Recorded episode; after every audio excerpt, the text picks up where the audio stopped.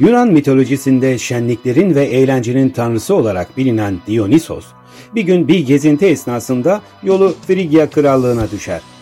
O dönem Frig kralı olan Midas, Dionysos'u orada kaldığı süre boyunca o kadar iyi ağırlar ki, bundan sebep Dionysos hissettiği memnuniyeti göstermek için Midas'a kendisinden bir dilek dilemesini ister. Midas bu. Hiç durur mu? Yapıştırmış dileğini. Ben demiş, dokunduğum her şeyin altına dönüşmesini istiyorum. Böylece dünyanın en zengin kralı ve krallığının burada olduğunu herkes bilir.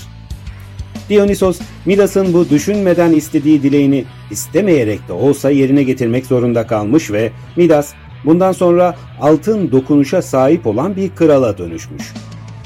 Hikaye burada bitmiyor tabi. Dokunduğu her şey altına dönüşen Midas kendini çok mutlu hissetmiş. Ta ki sevdiklerine dokunana, karnı acıkıp yemek yemeye başlayana dek.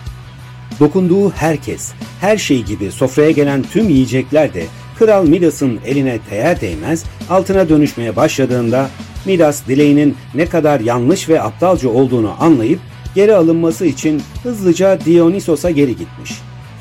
Aman Dionysos'um, canım Dionysos'um ben ettim sen etme. Ben ki Frigya'nın yüce kralı Midas. Eşek kulaklı, keçi suratlı Midas'ı olaydın da bu dileği dilemeseydin. Ne olur geri çevir şu dileğimi. Çevir ki eski mutlu olduğum ve sevdiklerimle birlikte geçirdiğim günlerime geri dönebileyim. Bu kadar yalvar yakar söz karşısında Dionysos, Midas'ın dileğinin nasıl geriye alınıp bozulacağını anlatmış. Ve mutlu son.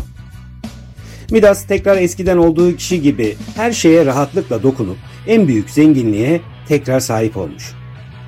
Peki bu mitolojik hikaye bize neden mi bahsediyor?